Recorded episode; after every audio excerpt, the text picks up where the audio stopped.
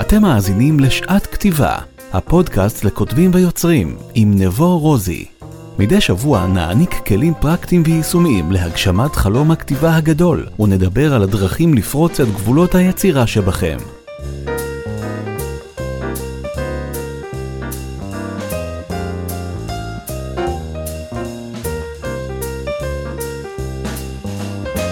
שלום לכולם וברוכים הבאים לפרק נוסף בפודקאסט שעת כתיבה, הפודקאסט מיועד לכותבים, לסופרים וליוצרים שבעצם נמצאים בכל אחד משלבי התהליך. בין אם הספר שלכם כבר יצא לאור, בין אם אתם נמצאים בימים אלה בתהליך ההוצאה לאור או בתהליך הכתיבה ובין אם מעולם לא כתבתם מילה אחת, הפודקאסט הזה נוצר ומיועד בשבילכם ועבורכם, אז קודם כל כיף שאנחנו פה שוב, פרק נוסף, שמי נבו רוזי ואני סופר, יוצר ומנחה סדנאות כתיבה ותראו איך הזמן חולף לו כהרף עין והגענו לפרק ה-14 של הפודקאסט. והנושא שלנו להיום הוא כתיבה אקראית. כתיבה אקראית ודיאלוגים אקראיים זה כלי שאני מאמין שהוא מאוד מאוד חשוב למחסומי הכתיבה, אז קודם כל אני אסביר מה הביטוי הזה אומר. כתיבה אקראית היא כתיבה יותר חופשית ומשוחררת. כשאנחנו כותבים לא בהכרח רומן, אלא עלילה כלשהי, זה יכול להיות דרך סיפור קצר או אפילו קטע קצר. אז הרבה פעמים אנחנו נוטים לכתוב הרבה טקסטים, כמובן שכשמדובר בקו עלילה זה הרבה יותר מאתגר, אבל רוב הטקסטים שאנחנו כותבים סביב גיבור, גיבורת או גיבורי העלילה שלנו, גם אם אין לנו גיבור עלילה, גם אם הדמות מדברת בגוף ראשון זכר, גוף ראשון נקבה, אין לה דמות שם, ואנחנו לא יודעים מי היא ממש, אבל היא מספרת על הכל בגוף ראשון, וגם מדובר במספר על שמספר לנו את הסיפור.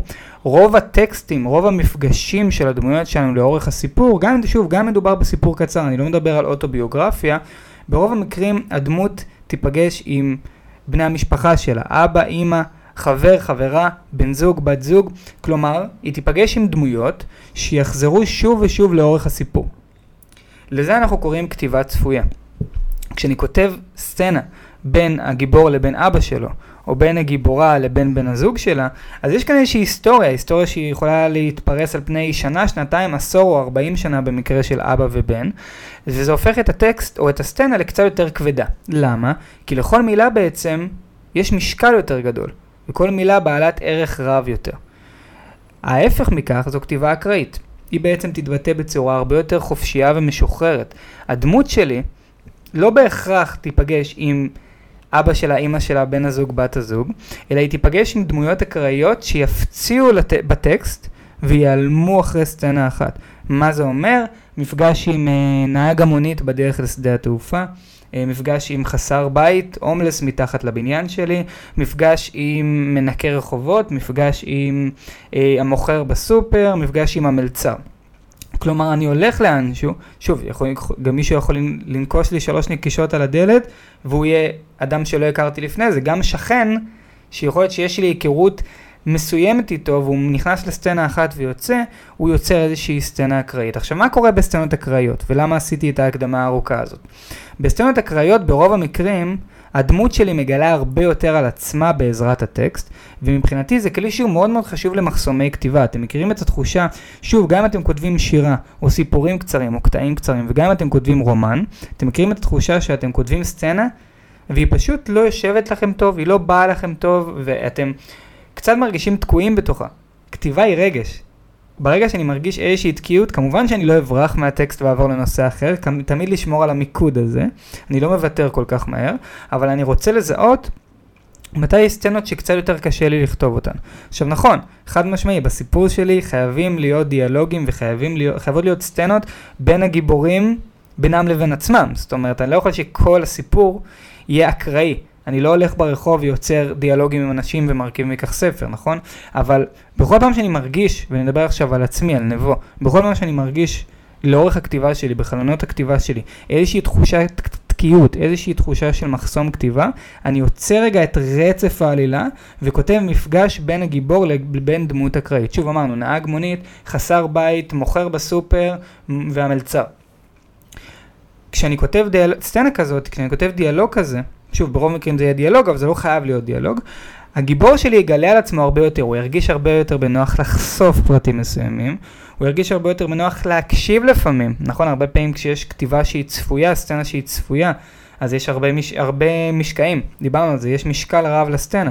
בכתיבה אקראית הכל חופשי יותר, כמה שפחות מתוכנן. עכשיו אני רגע אחזור על המשפט שאמרתי שוב, הספר שלי, הסיפור שלי לא יכול להיות מורכב כולו ממפגשים אקראיים, אני לא יכול ללכת מחוץ לדיזנגוף סנטר ולפנות לאנשים ולהרכיב מכך, להאזין לכל אחד לסיפור חייו ולהרכיב מכאן ספר, כלומר אני יכול לעשות את זה, אבל לא בהכרח שזה הסיפור שאני רוצה לספר. לכן, אני שואף להכניס כמה שיותר מפגשים אקראיים לצד רצף העלילה. בצורה שגם המפגשים האקראיים ימצאו את עצמם כחלק מרצף העלילה. אני אתן רגע דוגמה מהספרים שלי. אני כתבתי שני ספרים על הודו, הספר השלישי שלי יוצא בקרוב, הוא לא על הודו דרך אגב, שאלו אותי את זה לא מעט, אה, ובשני הספרים בעצם מה קורה? הגיבור מגיע למדינה שהוא לא מכיר, ולאורך המסע שלו הוא כן פוגש דמויות צפויות, הוא כן פוגש את הבחורה שהוא נסע, אני לא רוצה להרוס לאף אחד, הוא כן פוגש את אבא שלו, הוא כן פוגש את הבחורה שהוא נסע אחריה להודו בעצם, אבל רוב המפגשים שלו הם אקראיים. עכשיו, כשדמות אקראית נכנסת ואז היא תופסת נפח בסיפור, היא אט אט הופכת להיות פחות אקראית, כי אני כבר מגלה עליה יותר, וגם הדיאלוגים ביני לבין דמות שאני מכיר, גם אם אני מכיר אותה שבוע, אני אומר אני כגוף ראשון, גם אם אני מכיר אותה שבוע, אז לאט לאט היא הופכת להיות פחות ופחות אקראית. אבל ככל שאני ארגיש בנוח יותר, ככה העלילה שלי תזרום יותר, וככה אני אקלע לפחות מחסומים ופחות תקיעות. כתבתי ספר על הודו, בהודו אני לא מכיר את רוב ה... נפשות הפועלות, יש יותר ממיליארד נפשות פועלות שם, לכן אני רוצה לוודא שאני מכניס מספיק מפגשים אקראיים. דרך אגב, זה לא משנה אם הסיפור היה נכתב בראשון לציון או בתל אביב. גם בתל אביב אני יכול להיקלע להמון מפגשים אקראיים, ולא בהכרח הדוגמאות שאני נתתי. עכשיו, למה אנחנו בעצם מראש כבר מדברים על מה יקרה כשיהיה מחסום כתיבה. אז דיברתי על זה בפרקים הקודמים, דיברתי על זה בסדנאות שלהם למי, ש... למי שהשתתף בסדנאות. אני בגישה מאוד מאוד נחרצת של לחבק את מחסומי הכתיבה. מחסומי הכתיבה הם פה כדי להישאר. אני עדיין לא פגשתי את הכותב או את הכותבת שלא נתקלו במחסומי כתיבה, לכן אני כבר מראש יודע שהם קיימים. אני לא בורח מהם, להפך, אני מדבר עליהם לפני שהם מגיעים, כדי שברגע שהם יגיעו, אני אהיה קצת יותר ערוך אליהם. וכשהם מגיעים, אני מקבל אותם. יש לי את חוק החצי יום. הרבה כותבים שואלים אותי, מה אני עושה כשאני נתקל במחסום כתיבה? אז יש לי את חוק החצי יום. כשמחסום כתיבה, אני, אני כותב בדרך כלל בבוקר. אם אני חווה מחסום כתיבה ואני לא מצליח לכתוב כלום, אני ניגש שוב לכתיבה שלי בערב, עובר חצי יום. אם אני כותב בערב, נותן לחצי יום לעבור. וחוזר לכתיבה בבוקר. מה אני עושה בחצי יום הזה? הכל חוץ מלחשוב על זה. אני יכול לראות נטפליקס, ללכת לים, ללכת למסעדה עם בת הזוג, לפגוש חברים, לפגוש משפחה. אני אעשה הכל כדי לא לחשוב על הכתיבה הזאת בכלל, אני מנקה את עצמי לחלוטין. שוב, זה חלק טבעי. אם אני עכשיו נמצא בכמה שבועות שאני פחות אפקטיבי, אפקטיבי בהם, וכן, גם זה קורה, אז אני כן, אני קצת יותר חושב על זה, כמובן זה מתסכל אותי, אבל לדעת שזה גל, והגל הזה יחלוף ואני אמשיך לכתוב בסופו של דבר. במידה ואני פונים אליי הרבה כותבים שמרגישים שהם נמצאים במחסום כתיבה חצי שנה, שנה, שנתיים. במידה וזה קורה, אני הייתי מציע כן לפנות לאנשים מהתחום, למנחי סדנאות כתיבה, לכותבים בעלי ניסיון ולקבל מהם טיפים. לפעמים גם תרגיל כתיבה יכול טיפה לשחרר אותנו. ודרך אגב, כלי נוסף למחסומי כתיבה ולימי כתיבה פחות אפקטיביים שאני מאוד אוהב, זה כתיבה של חצי טקסט מציאותי וחצי טקסט דמיוני. מה זה אומר? אני אתן לכם דוגמה. לפני חודש ישבתי בחוף הים, הייתי בחוף הצוק. ומרחוק ראיתי את מוכר הארטיק שמתקרב, מוכר הארטיקים עם הארגז הקלקר הגדול הגבוה, והוא מתקרב אליי. זה סיפור אמיתי לחלוטין. עכשיו אני לוקח את החצי סיפור האמיתי הזה, סצנה שקרתה לכל אחד, נכון? ואני עכשיו מוסיף עליה איזשהו המשך דמיוני. אז אני רגע אחזור לחלק המציאותי ואז אני אמשיך לחלק הדמיוני. לפני כמה ימים ישבתי בחוף הצוק, מרחוק התקרב אליי מוכר הארטיקים שהחזיק ארגז קלקר גדול על גבו. לפתע התחילה בינינו שיחה, החל בינינו דיאלוג, ותוך כדי השיחה הוא שלף מתוך אותו ארגז קלקר מזוודה גדולה ושחורה, והציע לי הצעה שלא הייתי יכול לסרב לה. בעצם, אז החלק הראשון הוא אמיתי, החלק השני הוא דמיוני.